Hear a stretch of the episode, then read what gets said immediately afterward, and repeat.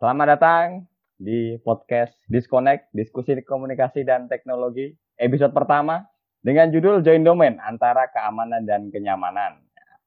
Pada kesempatan kali ini kita sudah kedatangan salah satu narsum Join Domain terkemuka di BBPK, yaitu Mas Rahmat Nugroho atau yang lebih sering kita panggil dengan panggilan Mas Akun ya.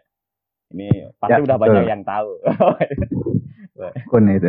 Nah, akun ya. ah, Mau tetap Mas Rahmat atau Mas Akun kira-kira untuk acara kali ini? Akun aja ya aja. biar ya akun aja, oke. Jadi seperti yang kita tahu Mas Akun ini adalah PIC join domain untuk BBPK. Dan pada kesempatan kali ini kita akan ngobrol tentang join domain ini ya. Ini kan jadi sebuah topik yang sudah lama ada di BPPK bahkan di Kementerian Keuangan. Eh, kenapa sih kita harus join domain gitu kan? Nah, hari ini akan kita kupas segalanya, termasuk kenapa harus join domain. Apa sih untungnya kita bisa join domain terus? Kenapa banyak sekali ya komentar di luar sana bahwa ah join domain tuh bikin ABCDE gitu kan. Jadi mereka nggak mau join domain. Nah, akan kita bahas hari ini. Nah, mungkin untuk pembuka eh, Mas Akun Ya gimana? Nah, oke lah. Kita kita langsung mulai atau mau ada perkenalan lebih lebih dekat lagi nih, gitu kan? Meskipun udah Ah. pada kenal ya, kita kita yakin lah. Insya Allah sepertinya enggak. Mas. Oh, siap, siap. Langsung aja deh Mas Ragi Oh, langsung, aja. Oke, jadi eh, oke untuk yang kita pembukaan nih. Sebenarnya join domain itu apa sih, Mas? Join domain Kemenkeu ya, lebih lebih khususnya itu apa sih sebenarnya gitu. Saudara-saudara sebangsa dan setanah air, sebenarnya saya tuh nggak mau nih bahas join domain. Soalnya join domain ini ya bisa dikatakan eh, apa ya public enemy. Tapi ya mau gimana lagi? Konten Ya, ya. Ya, mau gimana lagi itu kan udah ada aturannya udah yang mewajibkan kita join domain. Eh, jadi secara sederhana sih join domain itu ya join domain dari dari kok dua kata yaitu join dan domain. Ya join itu kalau menurut KBBI itu ya ikut bergabung atau gabung. Dan domain itu adalah wilayah menurut KBBI ya. Jadi gabung ke wilayah atau ke satu wilayah, atau gabung ke satu wilayah. Intinya sih itu. Jadi kalau join, join domain Kemenq itu ya bergabung ke wilayahnya Kemenq. Nah, yang siapa yang bergabung? Salah satunya yaitu perangkat komputer. Itu dulu mungkin Mas Ragil. Oh, ya. Ini ja- jawaban yang sangat textbook sekali kayaknya ya. Join Ah, ini nggak baca ini. Oke, ya. Ya, seperti yang tadi disampaikan sama Mas Akun ya, bahwa join domain Kemenq itu sudah ada aturannya ya, yang mendasari. Bahkan yang tanda tangan Ibu Menteri setahu saya ya. Ya. Nah, Betul. kan. Nah, ya itu emang aturan yang wajib sebagai sebagai Kemenkeu kita kita wajib nih kan. Eh, perangkatnya ya perangkat yang digunakan. Nah, sekarang nih batasannya tuh sebenarnya apakah cuma perangkat BMN aja atau perangkat pribadi itu wajib juga sebenarnya di domain. Misalnya kalau saya kan pakai laptop pribadi ya bukan BMN. Itu wajib nggak sih sebenarnya untuk join domain? Jadi kalau menurut aturan surat edaran apa kepala Usintek kalau nggak salah tahun 2018 itu semua perangkat yang terhubung itu dituliskan atau tertulis semua perangkat yang terhubung dengan jaringan One Kemenq atau infrastrukturnya jaringannya Kemenq itu wajib join domain baik itu yang pribadi maupun yang BMN. Jadi ya gitu. Kalau Tetap wajib ya? tetap wajib, Tetap wajib. wajibkan Mas Kaki. Cuma kondisi sekarang gimana nih Mas? Apakah wajib? Nah, kondisi sekarang nggak tahu itu apakah jadi gini ya. Kan yang namanya peraturan itu tidak semuanya tahu, walaupun wajib tahu dan tidak semuanya ngeh juga paham. Oh, Ya, keadaannya seperti itu. Ada yang join domain, ada yang enggak. Sebenarnya kalau kita taat peraturan, waduh, gitu. harusnya sih taat ya. harusnya, Eh, harusnya. harusnya taat. Jadi perangkat yang nggak join domain tapi dia memakai sarana atau infrastruktur jaringan internet Kemenko itu harusnya nggak boleh gitu, nggak bisa. Gimana caranya Oh. itu da- jadi dari sisi TIK atau jaringannya itu si perangkat tersebut tidak boleh atau tidak bisa mengakses jaringan. Nah, kalau misalnya yang pribadi juga itu harus ada izin kayak surat menyurat izin saya melapor misalnya saya menggunakan perangkat pribadi atau laptop pribadi untuk menggunakan jaringan One Kemencu itu eselon 3 Mas Kagial ada suratnya oh, itu ya. ketentuannya. Jadi eselon 3 berarti kalau di set semisal di setban mungkin kabak TIK ya itu untuk untuk perjanjian uh, perizinan lah penggunaan mungkin ya. Ya perizinan. Nah, oke siap. Nah ini kalau BMX kalau pribadi kan sementara ini karena mungkin pengguna juga ngerasa ini kan barang-barang saya sendiri gitu kan.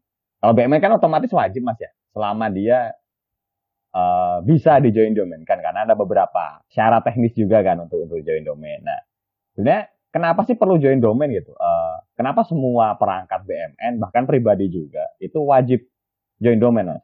Uh, jadi gini, wajib karena sudah tertulis di aturan wajib gitu. siap siap ah, itu, itu salah satunya itu nah, segi cuma kan gini mas uh, aturan itu kan mewajibkan karena ada alasan ya kenapa harus wajib kan gitu nah itu alasan kenapa diwajibkan oleh oleh Pusintek dan juga sampai dari Ibu Menteri juga uh, sudah keluar aturan bahwa wajib join domain itu itu kenapa gitu kalau kalau wajib karena ikut aturan wah ya itu benar mas ya itu jawaban yang super sekali sebenarnya. Ya emang super lah.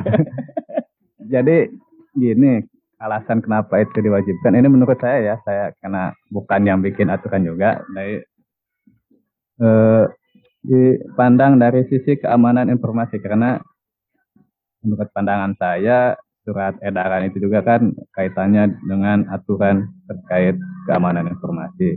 Nah, sebagaimana kita tahu kan eh, di luar sana atau di internet sana kan banyak yang suka ini ya suka iseng-iseng atau gimana gitu memanfaatkan teknologi internet itu seperti menyebarkan virus dan lain sebagainya. Lebih tepatnya ransomware.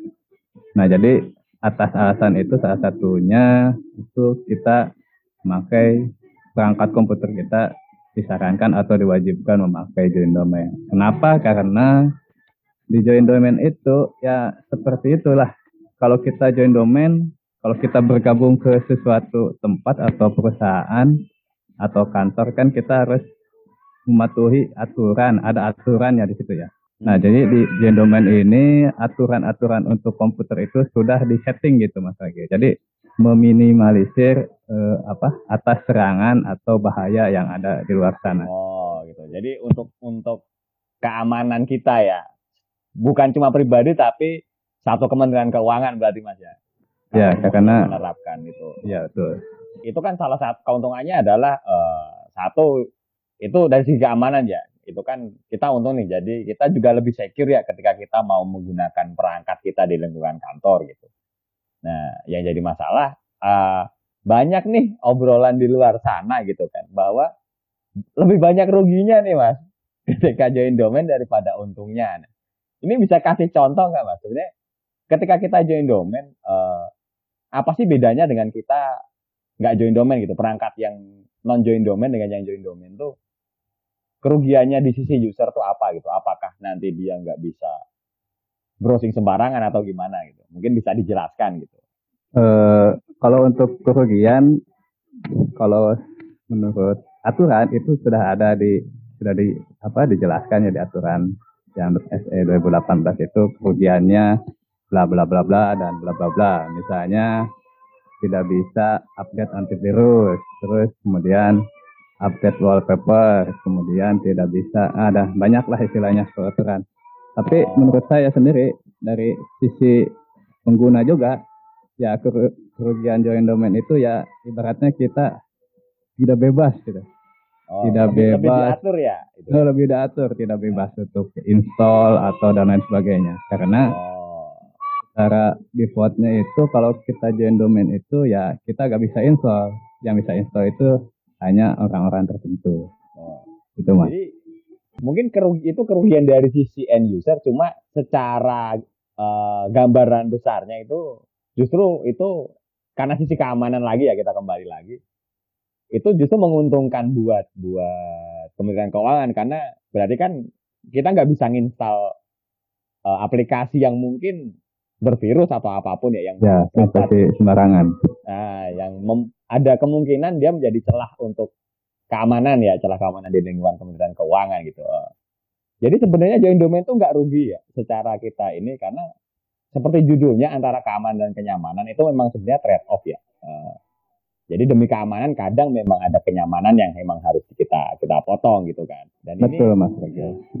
ini yang Jadi emang yang- gitu. Eh, eh, apaan? eh, kenyamanan sama keamanan tadi. Jadi setidaknya karena ini ya mungkin karena habit juga karena kita setiap memakai komputer kita bisa install sini, install sana, browsing sini, browsing sana. Kalau browsing masih bisa. Terus update sini, update sana.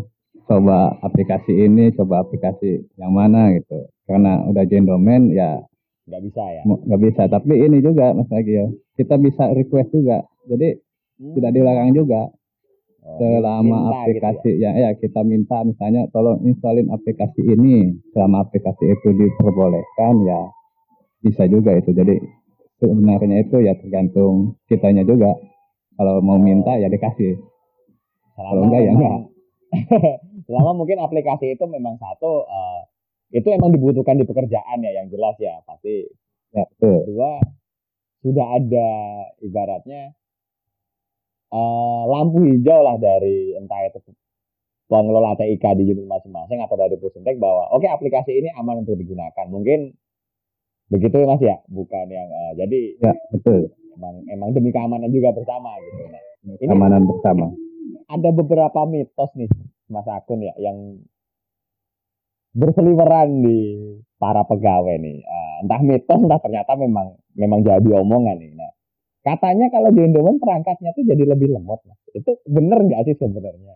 Eh, kalau bicara lemot enggaknya itu ya kita lihat dulu ininya perangkatnya dulu apakah speknya emang eh, lemot atau gimana. Jadi di Kementerian Keuangan itu eh, apa pas join domain itu ah, kita itu disarankan atau menggunakan ini apa aplikasi antivirus McAfee.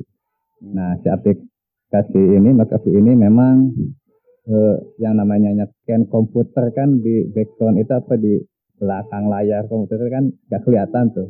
Nah itu ya bisa jadi salah satu yang menambah lemotnya suatu Perangkat gitu. perangkat ya. Oh gitu. Karena mungkin biasanya kita kalau pribadi karena kita antivirus ya paling pakai yang gratisan ya, yang kecil-kecil gitu ya, yang nggak jelas gitu. Yang nggak ada background, yang seperti tadi ada yang berjalan di di belakang gitu ya. Eh, jadi ngerasanya kok tambah lebih lemot gitu. Padahal secara, artinya secara ini nggak ada mas ya, secara beneran jadi lebih lemot tuh nggak ada kan ya. Nggak ada ya tergantung speknya juga kalau misalnya speknya. Jadi gini mas saya ada suatu kasus nih di BPK misalnya contohnya namanya BPK sebut saja BPK itu. Ya, siapa Jadi ya, si ya. perangkat laptopnya ini ya eh, istilahnya spek teknisnya itu ya kalau untuk apa bilangan sekarang apa untuk kondisi hari ini gitu untuk spek 4 giga kan itu kecil ya yang udah rata-rata 8 giga Delapan ya. ya, Dan rata-rata kan eh, udah diupdate mas ya untuk yang peraturan minimal spesifikasi perangkat laptop itu kalau nggak salah sudah dia update juga Ya. Pusintek ya.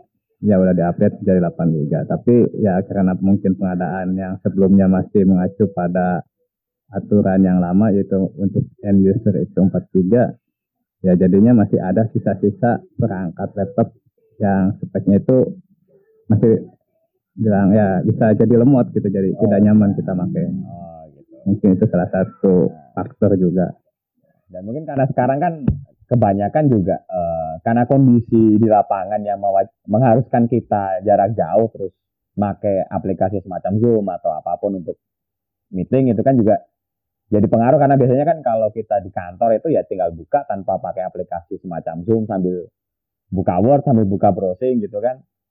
Otomatis ketika pandemi pemakaian juga jadi lebih ini.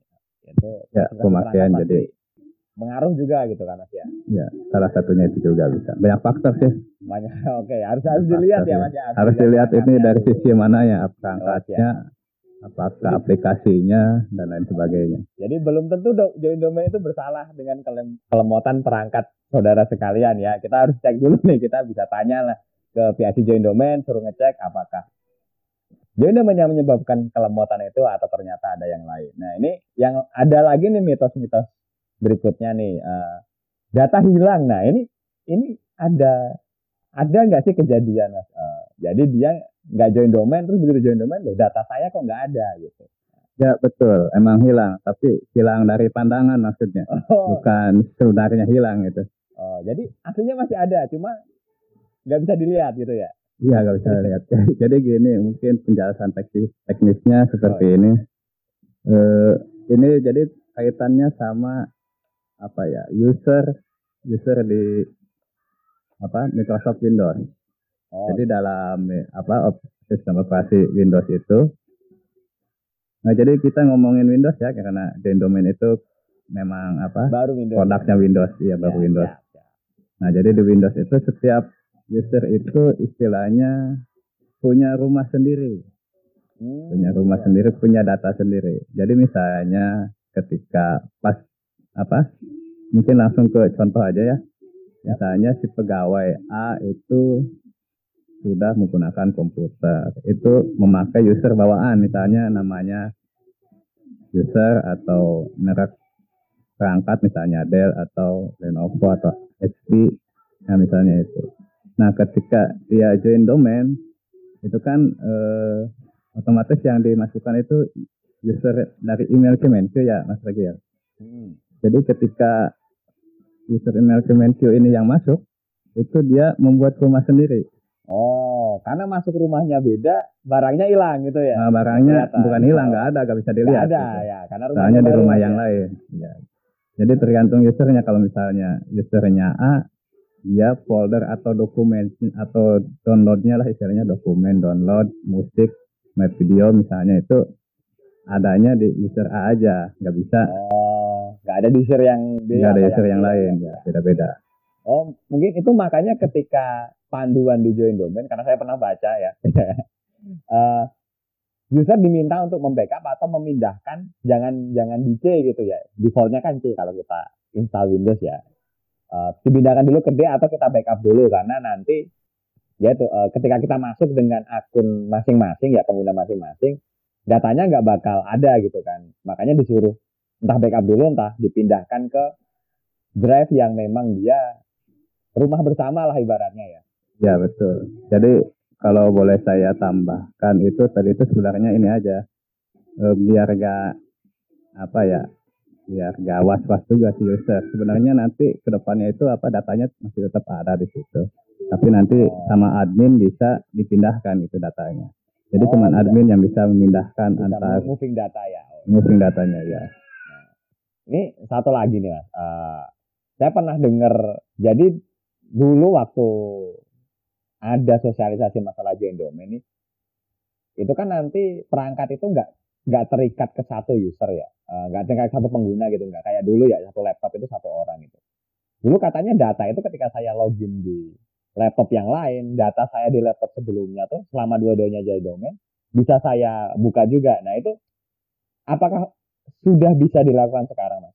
Oh iya, jadi gini itu merupakan salah satu fitur ini ya apa join domain. Tapi ya, tapi untuk saat ini eh, Usintek sepertinya tidak bisa belum bisa melaksanakan atau sepertinya tidak bisa melaksanakan. Jadi kaitannya itu nanti sama storage. Oh, eh, sama iya. hard disk. Sama Jadi hard kalau misalnya 10 orang yang masuk ke dalam satu laptop domain itu kan setidaknya ada 10 apa data yang harus disinkronisasikan ke misalnya pusat data di fintech kita. Nah jadi oh, gitu. resikonya itu satu storage atau hard disk yang ada di laptop itu habis karena sinkronisasi data. Kedua butuhnya apa kebutuhan storage untuk seluruh Kementerian Keuangan. Oh gitu. Jadi oh, kan iya. itu ada ya. Pegawai Kemenkeu kan banyak mas ya. Kalau banyak bukan kita aja. oh iya. Kalau misal harus bisa dipindahkan karena tipikal bisa pindah device dengan data yang sama itu kan berarti dia semacam ada cloud ya atau misal ada ya cloud kayak Google Drive inilah sinkronisasi gitu. Oh ya, jadi karena ada kebutuhan yang memang infrastruktur yang besar dan juga itu biayanya nggak sedikit ya. Itu apalagi harus bisa mengakomodir semua pegawai kementerian keuangan mungkin saat ini masih belum bisa digunakan. Jadi para pendengar sekalian, uh, untuk saat ini data masih belum bisa dibuka di laptop yang lain, jadi masih tetap harus pakai laptop di mana data itu uh, disimpan ya. Nah ini mitos yang terakhir nih mas. Uh, jadi ada yang menolak join domain karena katanya nih ya, uh, datanya dia tuh nggak aman, jadi bisa dimata-matai gitu untuk perangkat join domain. Jadi orang pusat atau admin atau apa pun lah gitu, dia bisa ngelihat datanya. Nah ini ini gimana nih mas? Karena kan data ada yang terbatas, ada yang rahasia gitu ya. Nah, mereka takut nih kalau join domain orang lain tuh bisa bisa buka gitu. Itu bener nggak sih mas gitu? Bisa dibilang betul dan bisa dibilang tidak juga nih. Ada ah, ya betulnya gimana, tidaknya gimana nih? Ini kayaknya harus jelas. Jadi perjelas nih. Perjelas. Jadi kita ini persamakan persepsi dulu mungkin ya. Ah, siap. Jadi eh, dalam join dunia perjoin domainan itu ada kita sebut istilahnya user yang ditunjuk sebagai admin ya setiap satker atau PIC join domain lah istilahnya. Hmm. Nah si PIC join domain ini kan si usernya ini apa email kementerinya lah kalau kita bisa bilang dia itu diangkat jadi administrator di setiap perangkat yang ada di kantornya di unitnya masing-masing. Nah mungkin benar bisa ada apa bisa dapat dimata-matai atau dibuka oleh sang admin. Memang benar karena dia emang tugasnya administrator gitu. Tapi harus bisa ngapa-ngapain ya? Iya harus bisa ngapa-ngapain. Tapi ya itu mungkin dia ditunjuk kalau menurut saya nih ya kalau di, seseorang yang sudah ditunjuk dengan tanggung jawab yang seberat itu ya mungkin bukan orang sembarangan juga oh, yang iya. apa integritasnya tinggi dan lain oh, sebagainya. Iya. Nah, kedua, mungkin ini apa?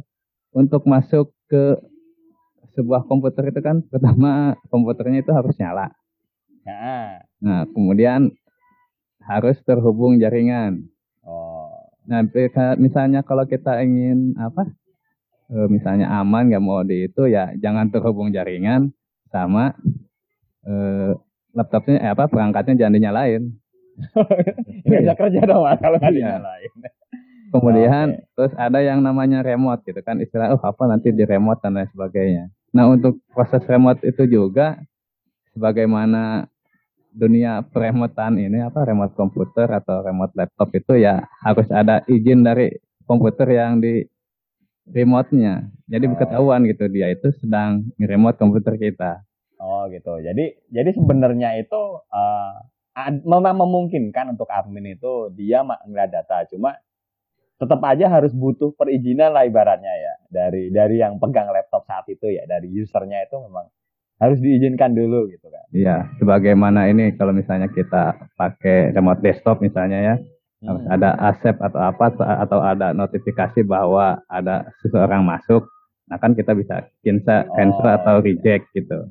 Oh, Nah, kemudian apalagi ya untuk di monitor atau di mata-matai sebenarnya kalau nggak izin domain itu selama perangkat terhubung ke jaringan itu memang ada yang memonitor yaitu tim pesintek dari keamanan.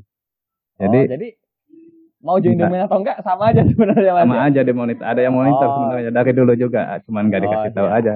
Oh. Misalnya teman-teman kita suka buka apa ya browser yang apa ya tidak patut atau tidak layak sebenarnya udah ada aja kedetek di sana mau oh. mau join domain atau enggak mungkin kan uh, dia ngerasa sekarang jadi ini karena karena dulu kan kalau usernya non join domain itu kan login bisa pakai user bawaan laptop mas ya dan itu kan pegawainya nggak ketahuan nih siapa nih yang lagi buka aneh-aneh gitu misal ya gitu kan sedangkan sekarang kan karena harus masuk dengan akun Kementerian Keuangan ketahuan nih oh Mas Rahmat Nugroho lagi buka yang aneh-aneh nih, situs yang tidak ada hubungannya dengan pekerjaan gitu kan. Karena usernya kan otomatis jadi kelihatan Mas ya, ya kalau sekarang ya. Ya betul, kalau, kalau yang apa, domain. Oh, gitu. Dan loginnya dengan user email Kemenkeu tentunya. Ya.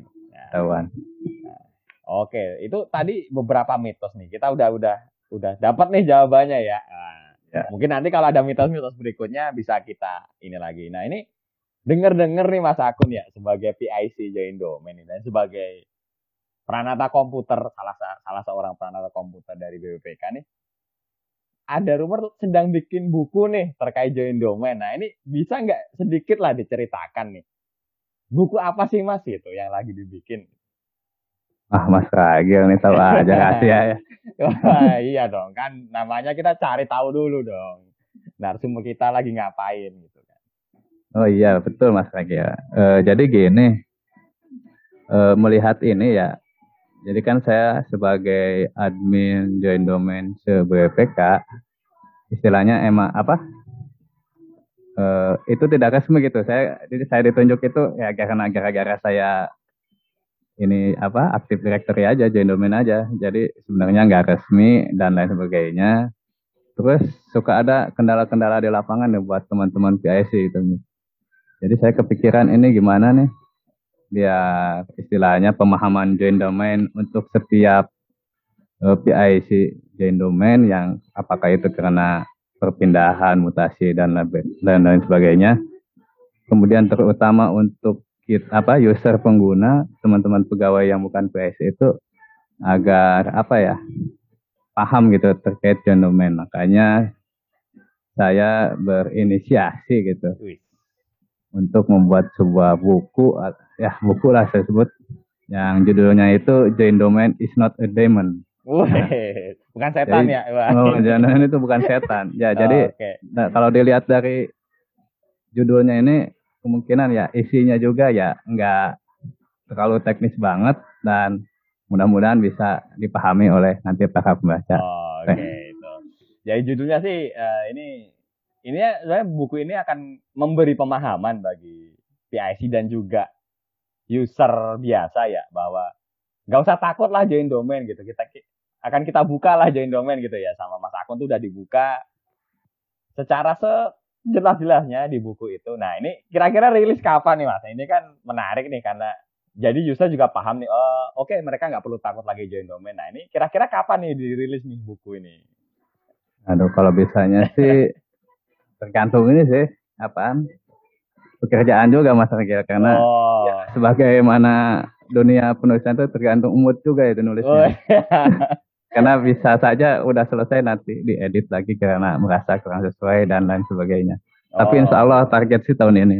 Tahun ini ya, oke kita ya. kita kita tunggu nih uh, seperti apa nih bukunya karena sangat dibutuhkan sekali apalagi join domain tuh beneran beneran dipus juga ya emang diwajibkan dan masih banyak yang yang yang tadi seperti kita kita bicarakan juga di mitos juga masih banyak yang nggak mau dan ngerasa takut lah kenapa sih harus join domain? Nah mungkin nanti kalau buku ini keluar uh, bisa memberikan pencerahan bagi kita semua nih nah.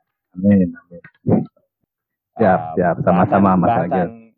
kali ini tuh menarik sekali. Mungkin akan ada sesi-sesi berikutnya. Mungkin bisa dengan tema yang sama.